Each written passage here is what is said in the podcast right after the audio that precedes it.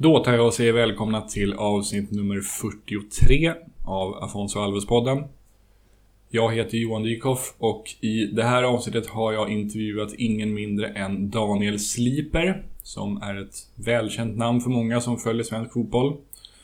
Daniel har ju under sin professionella karriär representerat bland annat Malmö FF, GIF Sundsvall och Assyriska. Sedan fjolårssäsongen spelar Daniel för Örgryte och han har det därmed gemensamt med Afonso Alves att ha representerat både Örgryte och Malmö FF. Eh, Daniel var också lagkamrat med Afonso under sin tid som A-lagsspelare i Malmö, så det fanns all anledning att intervjua Daniel i den här podden, kände jag.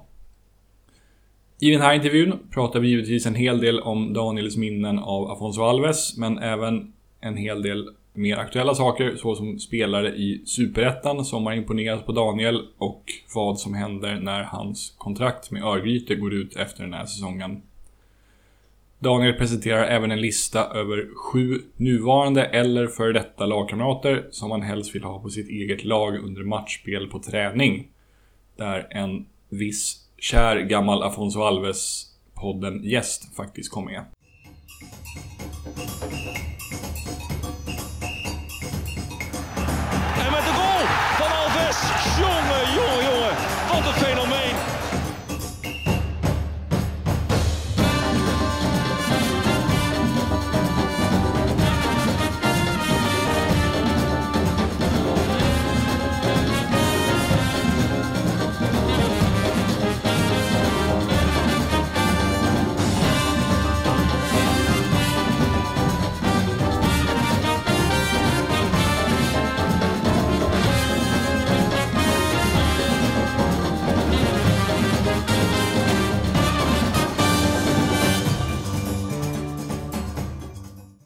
Fullständigt namn börjar vi med. Eh, Mats Daniel Sliper. Mm. Eh, Sliper, vad, vad är liksom ursprunget till det namnet? Det är inte det vanligaste namnet. Eh, nej, det är ett, helt enkelt ett familjenamn som eh, är en generation tillbaks från min eh, eh, mormor och morfar kommer det från. Okej. Vi valde det. Okej, coolt.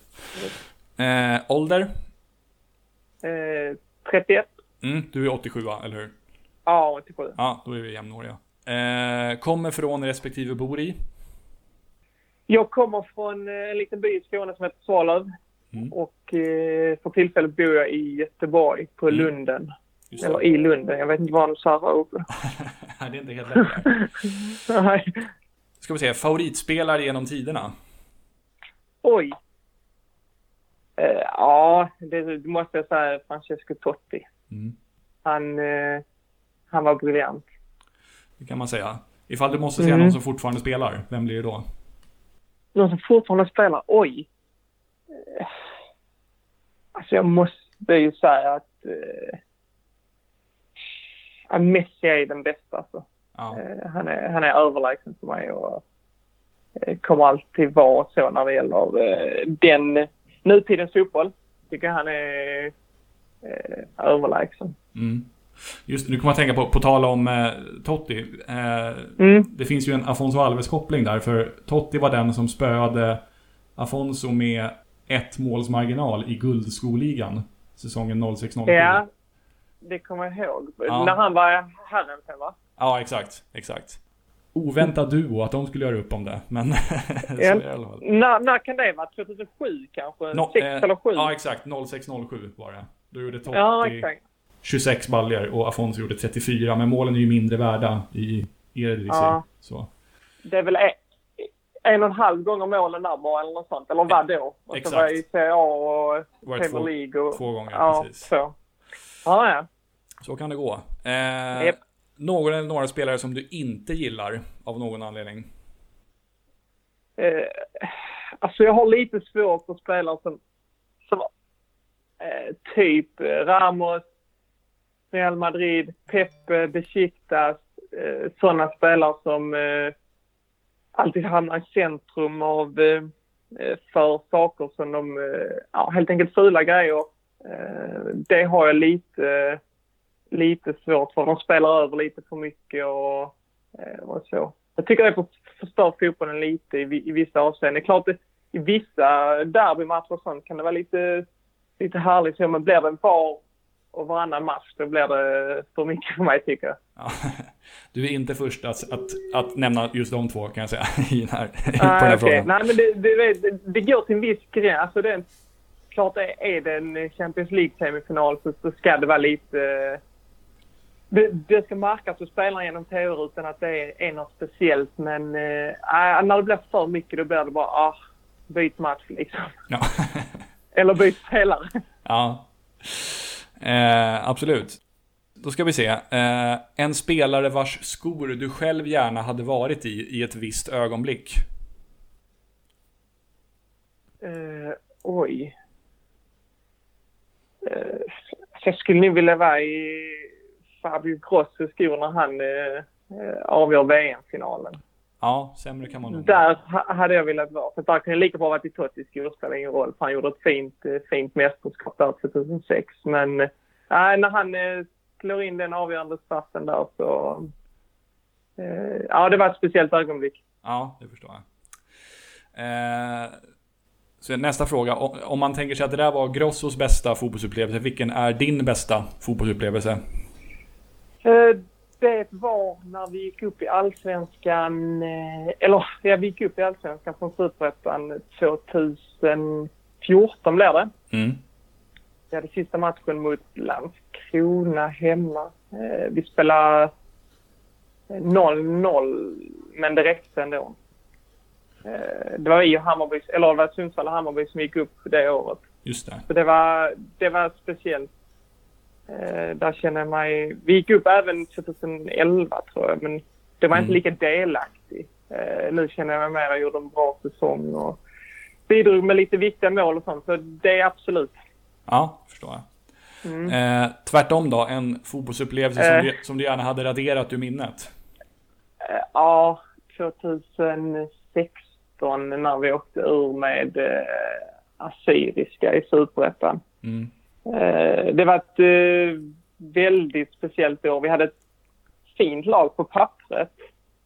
Eh, vi spelade jättebra fotboll i, i många matcher men vi fick inte resultaten alls med oss. Och, ja, det är enkelt att säga att man var bra och att laget spelade bra fotboll och så men vi räckte inte till slut helt enkelt. Och det var jättetråkigt för det berörde väldigt många i stan och, och lagkamrater. Och, nej, det var en, eh, en väldigt tuff höst måste jag säga. Ja, det förstår jag.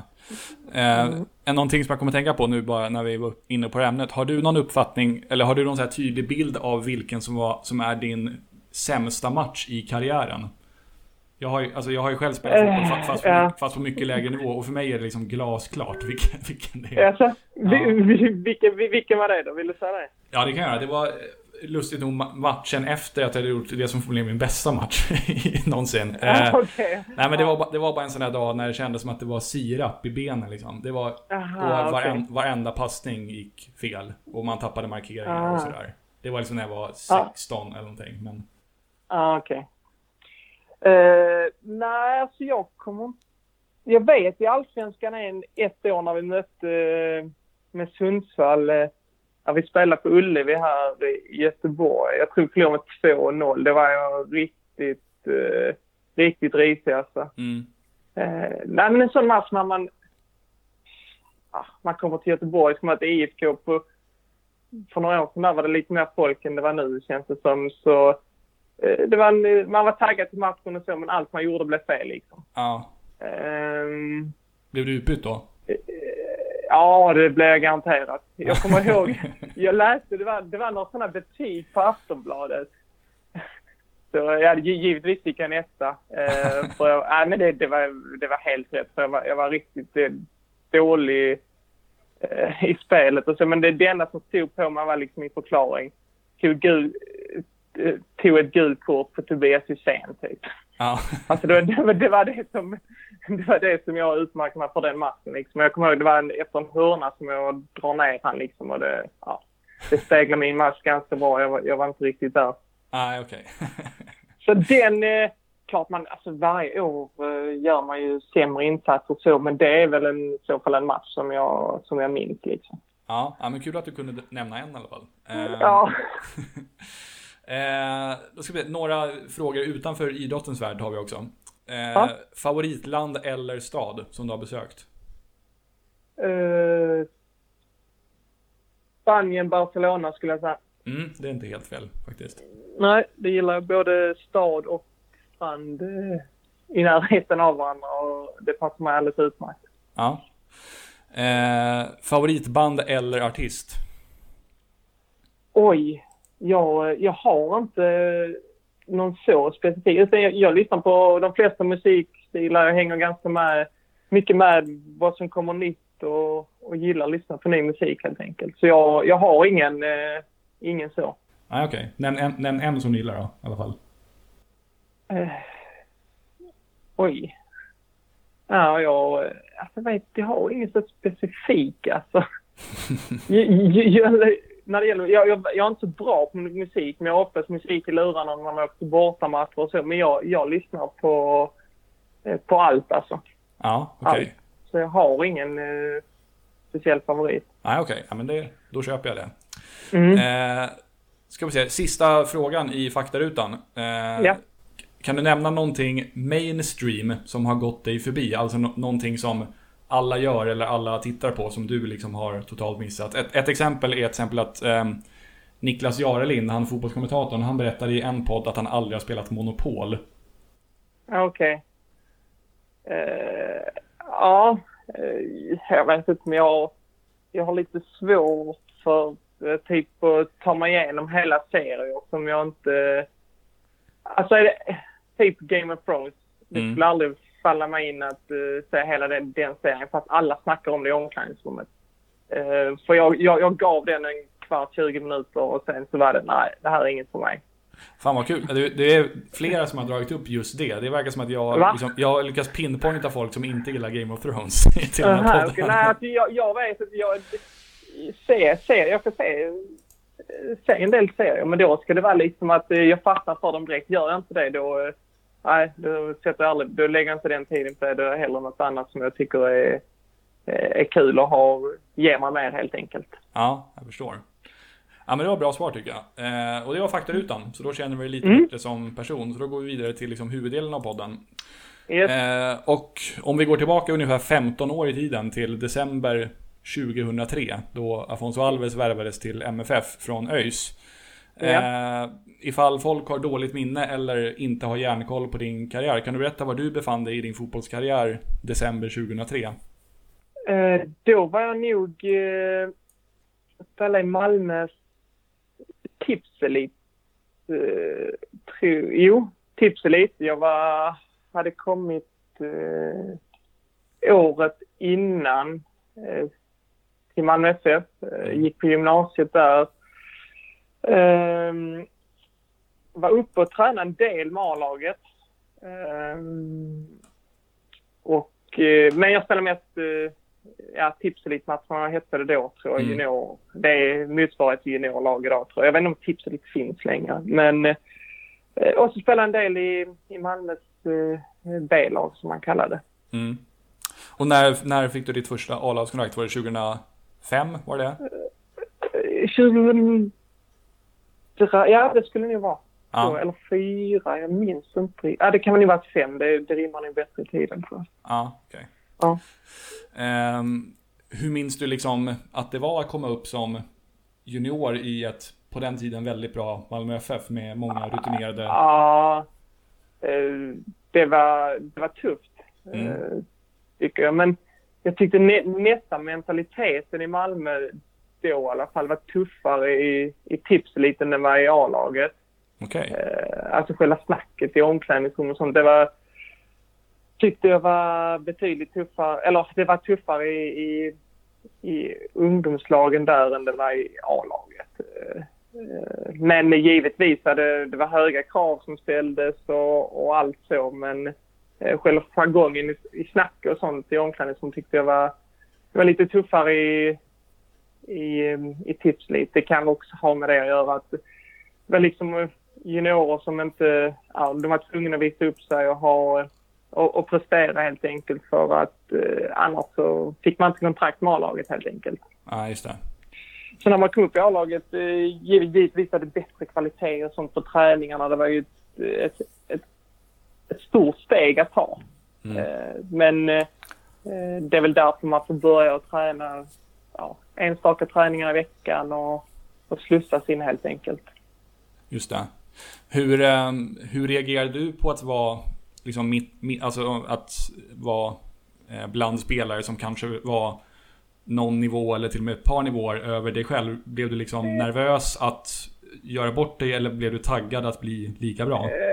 Eh, en blandning tror jag. Alltså, i- nervös var man nog i första träningarna, absolut. Men det man hade med sig var att man eh, kände väl att man kom från lite lägre nivå och att det skulle ta tid. Eh, så jag tror då att eh, man har följt många spelare som har kommit upp och när de kom upp var man inte speciellt bra men, men tiden liksom har gjort att man växer in i det och och kommer in i tempo och sånt. Tempo tycker jag är överlägset eh, det som är största skillnaden. Liksom. Det går mycket fortare i A-lagsfotboll. Och, Mm. eh, men ja, sen är det klart, är man nervös på träningarna så förstår man inte lika bra som man, eh, när man är avslappnad och, eh, och trygg. Liksom. Så är det bara.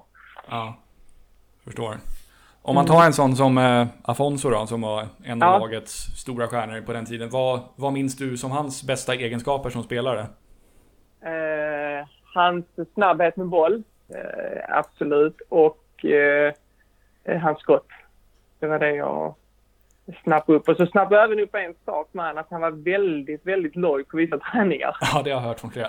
Ja, alltså nästan extremt loj. Och då kunde man komma upp, när man kom upp där som junior, då tänkte man sig, okej, men han, han har presterat i Örgryte, det hade man koll på liksom. Eh, Men här, han kanske inte kommer att lyckas riktigt här. Han är, ja, det, är, det är svårt att se hans kvalitet på träningarna på det sättet. Om det inte var en ren avslutsövning till exempel. Mm. Då dunkade han in, in alla bollar. Men eh, sen när man såg honom på, på matcherna, det var en helt annan spelare. Helt annan. Då tog han för sig på ett annat sätt och ja, han, eh, han var grym verkligen. Ja. Eh, du som gammal lagkamrat till honom, hur, hur överraskad blev du över att han gick så jäkla långt? Som sagt, han vann ju skytteligan i Eredivisie överlägset, Ja. blev utsedd till ligans bästa spelare, var som sagt ett mål från att vinna guldskon i Europa och gjorde också Ja. ett antal A-landskamper för Brasilien. Alltså hade du, hade du vågat tro på sån, den nivån av framgång för honom? Eh, nej, inte, det, äh, inte så. Man, man visste ju att han skulle bli proffs givetvis. Alltså, eller proffs, jag vet inte. Men alltså spela i klubbar i Europa visste jag. Men att han skulle spela i brasilianska landslaget hade jag nog eh, inte trott. Eh, för de lirarna de har, har där, det är liksom riktigt, det är världsartister de hade då och även nu givetvis. Men nej, inte så. Eh, den framfarten trodde jag inte han skulle ha. Eh, sen tror jag att han gjorde ju helt rätt klubbval att gå till från Malmö till Herrenchefen och eh, holländsk fotboll där det är lite, kanske lite mer eh, offensiv fotboll. Det passar han ännu bättre än en, en stängd allsvensk match till exempel. Ja, just det. Mm. Det är ju, ehm, vad var jag tänkte på? Eh, jo just det, jag minns ju till och med att det var snack om att både han och eh, Paulinho som var i ÖIS Mm. samtidigt som han, att de, det var liksom lite sagt, ja, ifall de skulle bli svenska medborgare så skulle de kanske vara aktuella för Sveriges landslag. För det var, det var så givet på den tiden att nej, men Ah, ingen, okej, ingen, ja, ingen ja. av dem kommer ju nå Brasiliens landslag förstås, för det är Mm. alldeles för svårt. Men Ja. där, där misstog man sig i, i alla fall vad gäller. Afonso. Ja, det gjorde man verkligen. För jag vet inte riktigt hur det gick eh, för Paulinho. För han, han spelade Hammarby sen en session vet jag. Ja, just det. Nej, han, han, Eh. han nådde ju inte ens nära på. Nej, inte alls i närheten. Eh, Men eh, den, den kvaliteten Afonso hade, den liksom, det är exceptionellt för oss. Alltså spela i allsvenskan och sen, men att det är ju samtidigt ett stort steg när man väl tar det steget ut att kunna prestera lika bra och bättre än man gjort i allsvenskan. Det är ju rätt ovanligt. För steget är väldigt stort. Ja, precis. Han, eh, I Heerenveen så blev ju han, han användes ju mest som en, eller bara rättare sagt som en nia där och blev Okej, liksom känd ja. för sitt... Han var ju en extrem målskytt där. Alltså, kunde Mm. du se... kunde du se de kvaliteterna också? För han, i, han, i Malmö var han ju snarare som en slags släpande mittfältare eller kanske till och med ytter. Ja, exakt. Vad jag kommer ihåg, för han spelar ju... Jag tror han växlar lite mellan att vara på kanten i en fri roll och eh, eh som du sa, en ren tia typ. Mm. Eller en, en in, innermittfältare som var lite mer offensiv. Eh, så då trodde man nog inte att han skulle kunna vara en, eh, vara nia och så en sån målskytt. Alltså, vad, gjorde han? vad sa du? 36 mål gjorde han? 34. Eh, på, 34 30, på, på 31 matcher den säsongen han vann skytteligan. Ja. Och så 6 i en match va? Gjorde Sju till och med. Sju i en match, ja. ja. Du ser. Alltså nej men det, det har man lite svårt Han, han är väldigt fin med bollen och sen när han kommer mot backlinjen. Men att man har 34 baljor där, det är Nej. Det är nej, bra alltså. Han, blev, han, var, han var aldrig någon riktig liksom, han kände sig som någon goalgetter i Allsvenskan. Nej, exakt. exakt. Han var inte de som tog de obekväma löpningarna in i box direkt. I alla fall när jag spelade honom. Alltså gick på första stolpen för att uh, dra med sig en back så man kunde chippa in det på bakre liksom. Det, det minns jag inte alls av han utan uh, nej, men det är väl hans kvalitet då i hans, uh, hans avslut och, och timing helt enkelt. Att han kom rätt in i box och uh, kom också in med fart och gjorde det svårt för försvararna. Precis, och så en 5-6 frisparkar på det också. Så. Ja, exakt. Det man lägga till. Det gjorde han ju. Jag vet inte hur många frisparkar han gjorde. Han gjorde väl några i Örgryte och ganska många i Malmö. Så det, det är också en spetskvalitet. Ja, verkligen. Eh, ifall du hade fått ta en egenskap som Afonso hade som spelare för att liksom lyfta ditt, ditt spel, vad hade det varit då? Ja, absolut drivet med bollen. Mm. Alltså ta den... Eh, eh vända upp, eh, och bara köra mot backlinjen. Att uh, ha den känslan att när man får upp farten där att man har det, det man har framför sig, det har man men det är ingen som kommer hinna ikapp bakom liksom. Utan bara uh, det är något jag, uh, jag jättegärna skulle ha i, som egenskap. Men det kommer jag aldrig få och det har jag aldrig haft. Så. Det känns som en svår grej att träna upp, eller hur? Ja, det, det, men det sitter i, i generna mycket där att han, eh, alltså klart du kan träna upp det men jag tror han hade väldigt mycket, hans snabbhet och hans steg hade han väldigt eh, eh mycket med sig säkert. Han hade ett väldigt, eh, jag minns när han drev bollen, många, som när man ser Messi driver bollen, han tar väldigt många små steg. Mm. Men Afonso tar väldigt, alltså när han börjar accelerera så tar han väldigt långa, väldigt explosiva muskler typ. Så han, han skjuter ifrån direkt och då, då har han väl kommit ifrån den där så hinner man inte ifatt. Nej, precis. Eh, fanns det något som Afonso enligt dig liksom saknade? Kanske till och med något som någon annan i MFF hade på den här tiden som hade gjort honom ännu mer komplett som spelare? Han var lite lat sa du. ja, det är kanske det. Men det är kanske också en... Eh, det kanske också var en styrka liksom att han kunde slappna av på träningarna och sen när det blev match då, då körde han liksom. Ja. Eh, jag ska inte säga att han bilade upp sig på träningarna men han var nog 110 procent eh, i fysisk form inför varje match liksom. Sen vet jag inte, alltså sådana spelare ska man inte ens snacka om försvarsmässiga saker för har man en sån spelare på plan som Afonso då ska man liksom kunna ge han fritt att eh, göra lite vad han vill i försvarsspelet så Nej, jag vet inte riktigt. Jag vet inte om hur mycket assist och sånt han gjorde, om han var en, var en framspelare. Men gör man så mycket mål så känns det, då kan man, då är det skitsamma om man gör ja, assist helt enkelt. Jag vet faktiskt inte om man tog, jag minns inte om man tog hörnor och sånt. Nej. Ingen aning. Nej. Dålig koll på det. Ja, okej. Okay. För han var nog ingen jättehuvudspelare. Nej, det, det, kan, det skriver nog de flesta under på. Ja. Eh, hur minns du honom som eh, person och lagkamrat då? Väldigt snäll. Mm. Väldigt snäll. Lugn och eh, harmonisk tyckte jag. Stressade aldrig upp sig. Var alltid... Eh, ja, jag tror han lärde sig en eh, hyfsat svenska också. Ja. Eh, de, de flesta ord i alla fall. Det jag minns. Men mm. han var... Nej, han stressade aldrig upp sig. Var aldrig i konflikt med någon lagkamrat eller så utan... Eh, nej, han, eh, han körde på på planen och var tyst och lugn i omklädningsrummet. Ja. Det, jag, det jag minns, sen vet inte jag... Eh, jag var inte med på alla matcher och sånt. Och du vet, efter förluster på vissa matcher och sånt kan det bli lite hett och sånt. Men jag vet inte, jag fick ingen känsla av att han skulle ha, ha något hett temperament eller så. Nej, det känns inte som hans stil riktigt. Han, han fick i och för sig en, det var ju någon match i Heerenveen när han fick ett direkt rött för att han skallade någon motspelare eller någonting. Men det, det, Aha, känns, rätt, o- det känns rätt atypiskt för honom. Jag tror inte han riktigt, det var inte hans stil egentligen. Nej, Nå- exakt. Nej, det känns absolut inte som det är hans stil. Nej. Nej. Ehm, som vi var inne på, han flyttade ju vidare sen till Heerenveen efter ett par år Mm. i MFF. Eh, men du har ju spelat hela din karriär i, i Sverige. Än så Ja. länge i alla fall. Eh, hur, hur nära har du varit en utlandsflytt i din karriär? Eh, jag skulle väl säga att när jag var 15, 16 så var väl då, då jag var närmst. Eh, Mm. Då var jag och tränade med... jag blev inbjuden till lite holländska klubbar. Ajax, Feyenoord. Men det blev inget där. Det var i den vevan när man spelade i, i pojklandslag. Men jag var och tränade med holländska Vitesse Arnhem. Eh, Malmö hade något samarbete där så vi fick åka ner några stycken eh, och träna där. Så det är väl eh, det närmsta jag har kommit eh, utlandet. Okej. Hur, eh, hur, hur känns det? Alltså nu, du är ju inte jät, jättegammal, men känns det som att det är någonting som du skulle vilja bocka av och som du ser är, någorlunda sannolikt?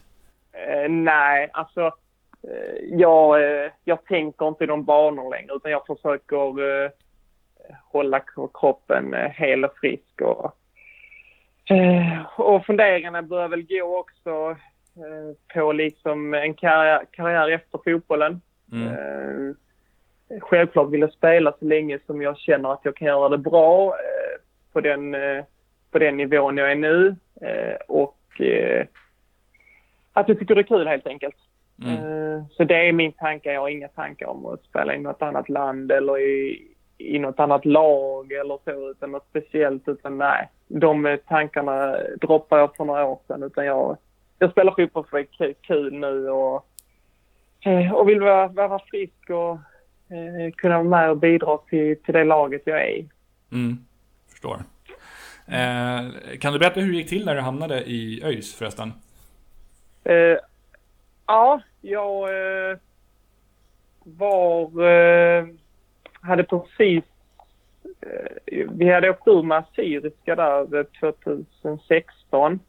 Eh, och sen... Eh, sen så träffade jag... Jag och två polare var nere och såg eh, en fotbollsmatch. Det var i Berlin. Hertha Berlin mot... Eh, nej, jag, jag, jag minns inte vilka de mötte, men så, så träffade vi faktiskt eh, ett par ÖIS-folk där som satt i styrelsen och, och så. Så började vi snacka med dem och ja, det var ett bra snack. Så eh, eh, de visste vem jag var och jag, jag kände till ÖIS eh, sen innan. Mm. Eh, så på, eh, så det var på lördagen vi, vi träffade dem och tog kontakt. Så det var egentligen helt bara slumpmässigt. Vi satt bo- borden bredvid varandra där på Olympiastadion i Berlin och så hörde vi att de snackade svenska så vi gick och, och presenterade oss och snackade lite så, eh, eh så så började det. Sen tog vi kontakt eh, veckan efter. Eh, och fick jag komma ner till Göteborg eh, och träffa, träffa Marcus Lantz och så förklara under klubben och vad de tänkte om mig och vad jag tyckte. Och, ja, fick upp på Öjsgården och se hur det, hur det var där. Och sen så jag åkte hem och sen så fick jag ett kontraktförslag och så åkte jag tillbaka ganska tidigt in på den första resan jag var. Det var nu samma vecka nästan och, och Mm. skrev på helt enkelt. Skrev på för två år. Så på den, eh, på den vägen var det. Vi började Ja. kontakt, kontakt helt random i, i Berlin. Så det var Ja, lite speciellt. Ja, lustig historia. Verkligen. Ja, eller hur? Alltså, verkligen. Det känns ja, jag är helt sjukt. Men eh, jag hade gjort en bra individuell säsong i, i Assyriska. Jag tror jag hade gjort åtta mål eller något sånt. Så jag, Mm. eh, jag hade ju lite att komma med på CV. Ehm, och de kände till mig sedan innan och så. Men jag vet inte om det, det kanske inte hade blivit något om jag inte hade träffat dem där. Det vet man aldrig. Nej, precis. I- intressant. Intressant Ja. sätt att inleda en förhandling på liksom. Ja, precis. Det gäller att träffa rätt folk på rätt plats. Ja, verkligen. Eh, om man tittar på årets säsong, ni ligger väl på femte plats nu om jag inte missta mig. Ja, och det är precis. fem, match, fem matcher kvar att spela. Hur, hur väl rimmar det med era förväntningar som ni hade inför säsongen? Ja, både och. Alltså förväntningen. Vi, vi, vi satte ingen målsättning så eh, inför året i och med att förra året så hade vi en, eh, en så pass dålig säsong. Eh, vi låg i- vi började 2017 väldigt bra. Jag tror vi låg tre eller fyra efter när vi vände och hade hängt på kvalplats uppåt och sen gick det rakt ner på hösten. Eh, och så klarade vi med nöd och näppe i, i kvalet mot Mjällby. Just det. Eh, Och så, sen när vi gick in i denna säsongen med ny tränare och många nya spelare. Jag tror vi tappat 10-11 spelare inför, inför säsongen och fyllde på med det. Så det var väl liksom bara att uh, uttala målsättning fanns inte. Men det var väl liksom att ja, gör det bättre nästa år liksom. Eller äh, än förra året, uh, förlåt. Så uh, började jättebra säsongen och sen så hade vi en katastrofperiod på, jag tror vi inte vann i Superettan på 11 matcher eller något sånt. Mm. Eh, och det har givetvis speglat denna säsongen lite tyvärr. Eh, för att eh, hade vi bara fått en eller två vinster under den, den lite sämre perioden där så hade, det, hade vi kunnat vara med nu in i slutet. Men nu, nu känns det lite, lite tufft. Det är ju lugnt neråt i alla fall. Ja. Eh, men jag tror, tror på sikt kommer jag spela Allsvenskan. Det är jag helt övertygad om. Eh, det känns som det är ett... Eh, jag har ju varit i några superettan-klubbar men det känns som i den här klubben är det liksom... Eh, de förtjänar, eller fans och, och själva klubben förtjänar ju att ligga i Allsvenskan. Det finns ju väldigt bra historik och tradition i, i klubben så jag tror på sikt kommer, kommer ÖIS ligga i Allsvenskan. Det är jag helt övertygad om. Ja, jag hoppas det. Ni har, ju en, ni har ju en väldigt teoretisk chans att nå kvalspel, men eh, jag antar att det är inget som ni kanske går runt och Nej. hoppas sådär på. Nej, alltså samtidigt så eh, tänk om, alltså man, man går ju i tankarna hela tiden att ja, visst, visst, vi kan gå fullt, fem matcher kvar, 15 Ja. poäng. Jag tror vi är åtta eller nio upp. Eh, Så visst, det kan gå, men samtidigt de lagen som ligger där uppe, de har gjort, eh, eh, eller framförallt kvalplatsen då, AFC, jag tror de har släppt in eh, väldigt Tol- lite 12 mål. mål och- här, ja. Ja, 12 mål på 25 matcher. Det är helt... eh, Ja, det är fantastiskt. Så du vet, de är väldigt svårslagna. Mm. Ehm, och det räcker ju inte att vi går fullt, eh, tror jag, för de kommer ju ta sina poäng i alla fall. Tyvärr är det så, men eh, ja, så länge chansen finns så får man väl eh, ta en match i taget och, och köra på det. Men det är klart, det är, det är ju roligare att komma fyra än att komma, komma åtta. Mm. Eh, och det tycker nu klubben också med tanke på det lite, lite mer pengar om man kommer vissa placeringar eller högre placeringar och sånt. Så det är väl, eh, det är väl de eh, morötterna man får nu inför slutet om man ska ha någonting, någon trigger. Ja, exakt. Eh, kan du nämna några spelare i Superettan som du har imponerats av i år och som du tror kanske kan göra avtryck i Allsvenskan framöver? Eh, ja, det är nog... eh, jag tror uh, helst, många Helsingborgsspelare kommer göra bra givetvis. Men det är lite Mm. tråkigt att säga dem för de är invarvade. eh, De ska egentligen vara i, i, i bättre lag än Helsingborg tycker man. Men... eh, eh, nej, där, alltså det finns ju vissa spelare som inte, som inte syns så mycket så eh, i, media sånt som är väldigt duktiga. Jag vet att Frey har en jättebra högerback eh, som jag är jätteimponerad av. Jag tycker han varje gång jag har mött honom har han varit en av de bästa jag har mött liksom i, i Superettan. Mm. Tror han heter Glasberg. Ja, just det. Det känner jag. Ja, han är jätte, superbra. Alla, alla matcher, nu ser inte jag Freys matcher ska, jag säga, men eh, de matcherna jag har mött han har varit superduktig. Så han, han kommer ni spela på högre nivå tror jag. Ja. De har fått upp ögonen för han. Eh, sen vet jag att AFC hade några duktiga spelare. Nu lämnar en som spelar i landslaget. Eh, han lämnar i somras, han är inte kvar där men eh, Han sydafrikanen, eller? ja, kan ha varit det? Ja. Nej, jag tror han kom från ett lite, ja, något mer okänt land där tror jag. jag, Ah, okej. inte. De har ju annars han eh, Kamara, han snabba yttern som är jävligt duktig. Mm, han är också duktig. Han kan ju också spela högre. Så, ja. Nej, det finns ju lite go- godbitar här och var. Ja. Diego Montiel är inte dålig heller. Ja, nej, han är riktigt fin, måste Ja. jag säga. Han är, ja, jag blir imponerad av. Ja, b- både hans personlighet eh, och eh, eh, det han kan göra med bollen. Liksom. Det är absolut hans styrka. Det Ja. ser inte alltid så snabbt ut när man kollar på utifrån, men han har full kontroll vad han gör och han täcker boll hela tiden och, och så har han gjort väldigt mycket poäng i år. Jag tror Mm. han har nästan snittat, han var ju skadad ett tag, men han har nu snittat en, eh, en poäng per match han har spelat tror jag. Jag tror han är uppe i 20 eller 21 poäng. Ja, jag tror han är på, på god väg mot tvåsiffrigt i båda. Liksom, det, Ja, exakt, exakt. Ja, nej, nej, alltså, det, jag menar, han gör mycket, bidrar väldigt mycket på fasta situationer under den perioden i, i våras när vi var som bäst. Då gjorde vi mycket mål på fasta och det var han liksom eh, servare hela tiden och han, han pricksköt liksom eh, på vår spelare in i straffområdet. Så, och så plus han gör mycket mål själv så det, nej, det ska vara kul att se om eh, ÖIS kan behålla. ja, verkligen. Eh, din framtid då? Visst, ditt kontrakt går ut efter den här säsongen va? Ja, stämmer. Ja. Vad, Eh. vad händer sen? Jag vet inte. Jag, eh, jag vill fortsätta lira. Mm. Eh, Jag har inte tagit snacket med ÖIS. Eh, Det kommer vi göra i, eh, nu i oktober. Så det är där. Jag vet inte. Jag har suttit en hel del på bänken i år. Eh, Fått starta en del matcher också i, i våras. Men sen på sista tiden har jag inte fått, fått lira så mycket. Så jag, jag vet inte vad, vad de tänker faktiskt. Nej, okej. Vi får se. Men du, du, Vi du kör se. på? Du kör på Ja, ett tag jag till vill, ja absolut. Nu, för några år sedan hade jag väldigt, väldiga skadeproblem men nu, nu känns, känns kroppen bra liksom. Och, eh, jag känner absolut att jag håller på, på superettanivå och eh, det är där jag kommer att kolla efter klubbar om det inte skulle bli ÖIS liksom. Mm. Okej. Ja, önskar dig all lycka med det. Oavsett var du Ja, hamnar tack. förstås. Ja, tack. Eh, du, jag tror vi går vidare till eh, sista inslaget, nämligen topp 7-listan. Ja.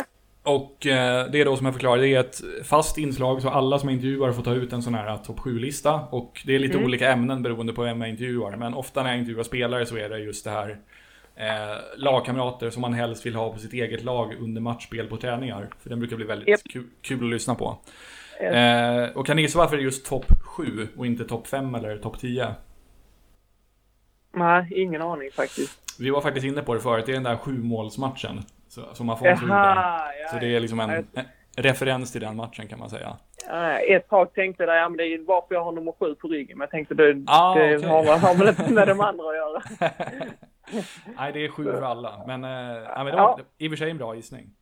Ja. Ehm, så du kan, sagt, jag gav, och för dig gav jag samma, ja det här lagkamrater som man gärna vill ha på sitt lag när man kör matchspel. Eh, Ja. Då, nuvarande eller dåvarande. Så du kan bara köra igång. Börja gärna nerifrån från sjuan och arbeta dig uppåt. Och gärna någon Ja, det blir, det, blir, det blir lite roligare då va? ja, och någon liten motivering till varje spelare också. Yes. Men på en sjunde plats eh, har jag en lagkamrat som jag spelar med idag. Eh, Mm. Det är en spelare som... Eh, eh, han vill alltid vinna. Eh, han är väldigt... Jag, jag tycker han är överlägsen på sin position i vårt lag. Eh, så på, på sjunde plats har jag Stojan Lukic. Han är... Jag kan säga att det, är- det är skönt att komma med han på, i samma lag på träningarna. Eh, när, när det gäller spel då, med mål. Annars vill man inte ha när det är vanligt possession-spel eller något sånt. Där har man inte mycket att bidra med. Men just att rädda bollar är, är han, eh, där är han grym faktiskt. Och så Ja. eh, för hans ålder också. Han, eh, han börjar komma upp i åren. Eh, men han, eh, han bidrar hur mycket som helst eh, där bak. Så det, det, det är tryggt att kunna gå in i ett spel och ha han bakom sig kan jag säga. ja. Mm. Eh, på sjätte plats, tro det eller ej, har jag även en målvakt. Eh, En som, eh, som har varit med i denna podden innan, Tommy Norin. Ah, vad kul. Ja, eh, väldigt tråkigt att han fick, fick lägga av nu. Ja. Men eh, han har gjort en fin karriär och eh, den bästa lagkaptenen jag har haft. Eh, väldigt god kille både på och utanför plan och Mm. eh, ja, vä- vä- väldigt pushande i sitt spel. Eh, han eh, eh, snackar bra med utespelarna och ja, styr upp det där bak helt enkelt. Så han, eh, han var given på den här listan. Ja, vad roligt. Jävla skön kille och många roliga Ja, ja. Grym, anekdoter grym. på lager. Ja, det har, det har han. Vi, vi satt ju bredvid varandra. I, vi kom, ja, jag kom ett år före han till Sundsvall. Jag tror han kom 2010 och jag kom 2009. Mm. Så vi satt eh, bredvid varandra i, i sex år i omklädningsrummet. Så han har man eh, stått ut med. Ja. Men det har varit kul. Det, det, det har varit kul. Vi har haft eh, skitroligt tillsammans och vi hade en bra kontakt i, idag. Så ja, det är en fin kille. Ja. Eh, på femte plats, eh, även det en före detta eh, GIF Sundsvall-spelare. Eh, Ari Sturlason. Eh, kommer ihåg, han var inom mitt fält när jag spelade med han i Sundsvall. Eh, han var också lagkapten något år, tror jag. där. Jo, det var han. Eh, han fick en väldig formkurva, eller hans karriär fick... Det var något år när han bara exploderade från att gå till en, ja, en helt okej spelare till en, en väldigt bra eh, allsvensk eh, eh, spelare. Fin vänsterfot, bra skott, hårt jobbande i, i båda riktningarna. Han var, han var guld att ha på träningarna kan jag säga. Mm. Eh, så det var femteplatsen. På fjärdeplatsen har jag en, en lite mer okänd spelare för kanske många. Christian Brink. Jag vet inte om du minns han? Eh, mittback va? Ja, mittback. Spelade i... Jag tror enda laget i Sverige han spelade i var Sundsvall. Mm. Eh, så... Eh, eh, det var en, eh, en klippa där bak, ver- verkligen. Eh, förvänt... Eller förvånansvärt bra med fötterna för att, eh, för att vara så stor och han kanske inte var den snabbaste spelaren så, men han var väldigt, spelade väldigt enkelt och eh, nej, det var, det var skönt att ha han i laget där kan jag säga, för han, eh, han var väldigt vinnarskalle också.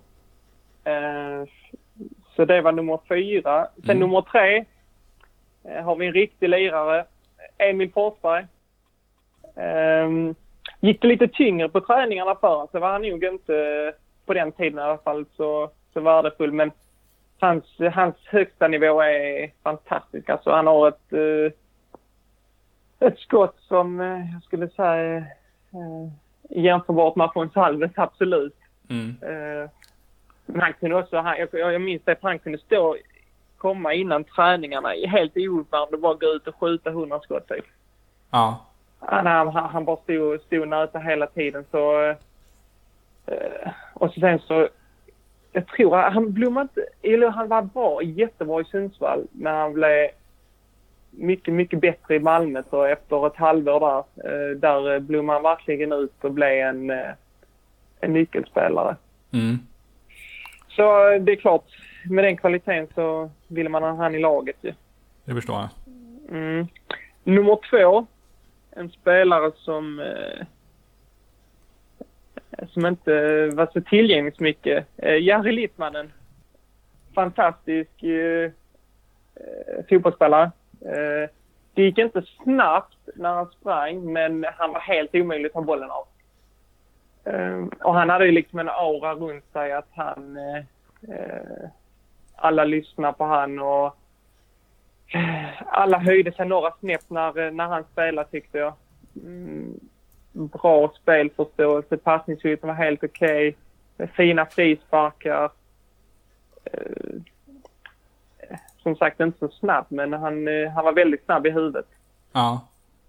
Visst fick Så, han, eh, han fick väl ty, alltså typ, om inte världens bästa spelare så i alla fall typ så Europas bästa spelare Ja. något år och sådär. Det, Men jag tror han, han låg ju på en, innan Messi och Ronaldo de kom igång så låg han väldigt högt på den eh, flest, eller flest mål i Champions League.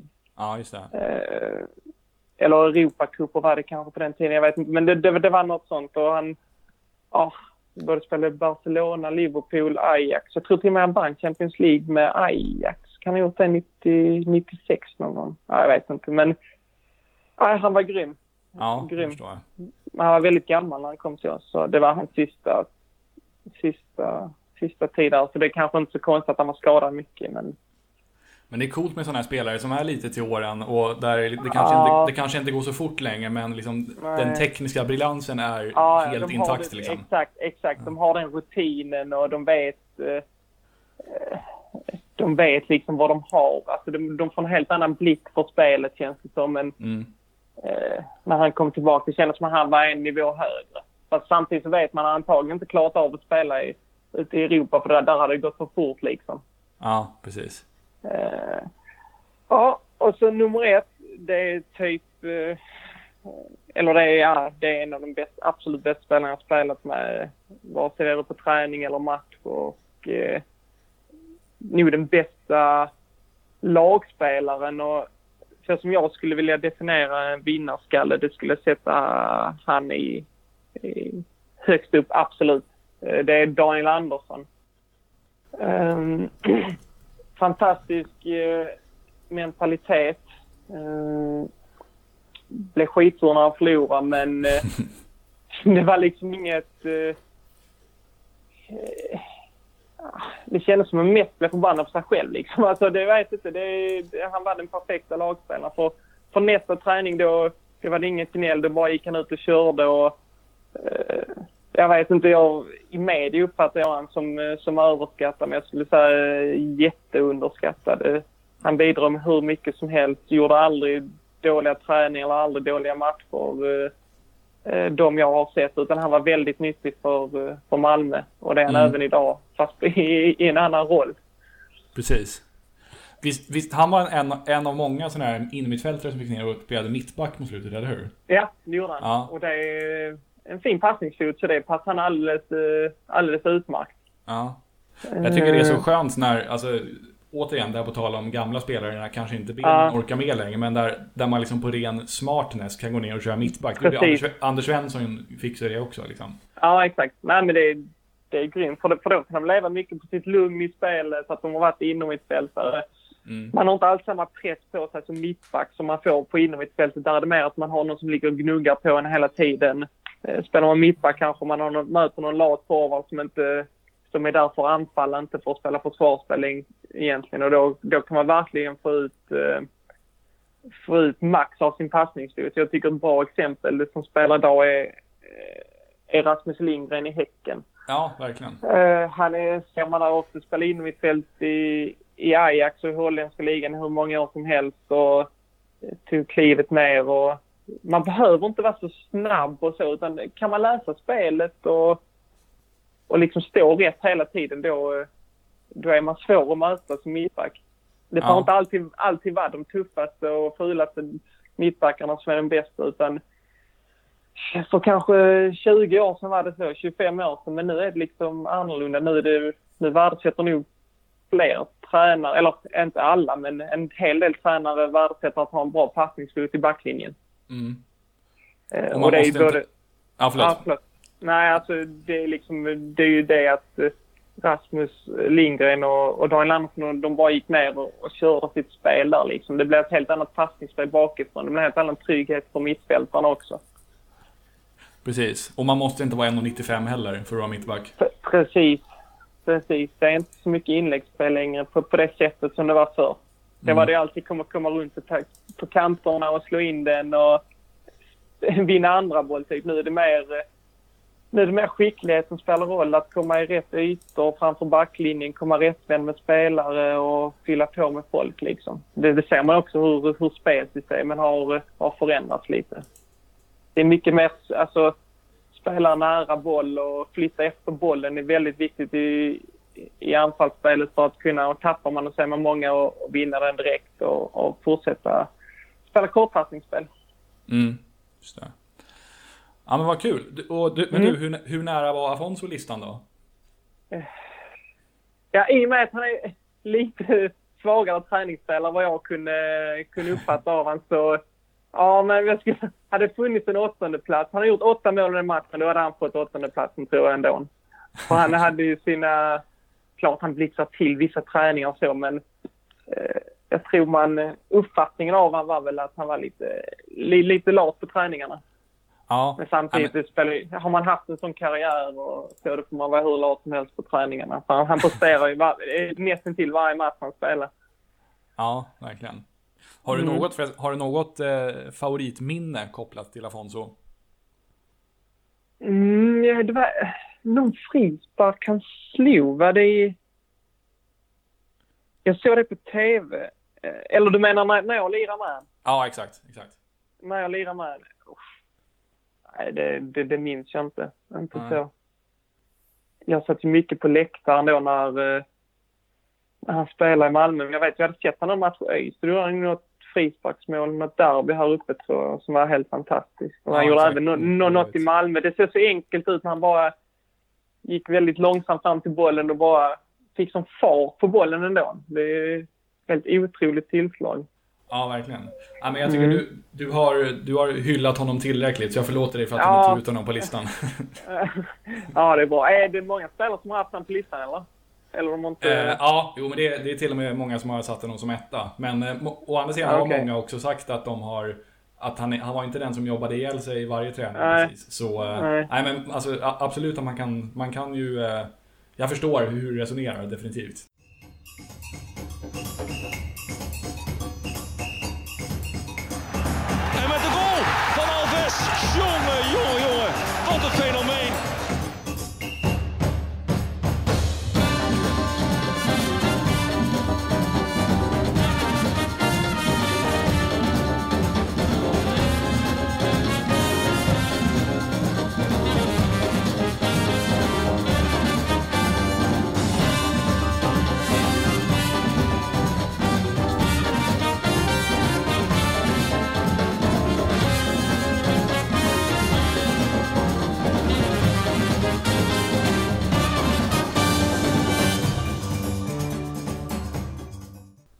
Sådär ja, då tar vi och tackar Daniel Sliper för att han tog sig tid att ställa upp på den här intervjun. Och vi önskar honom såklart all lycka framöver, oavsett var han kommer spela nästa säsong.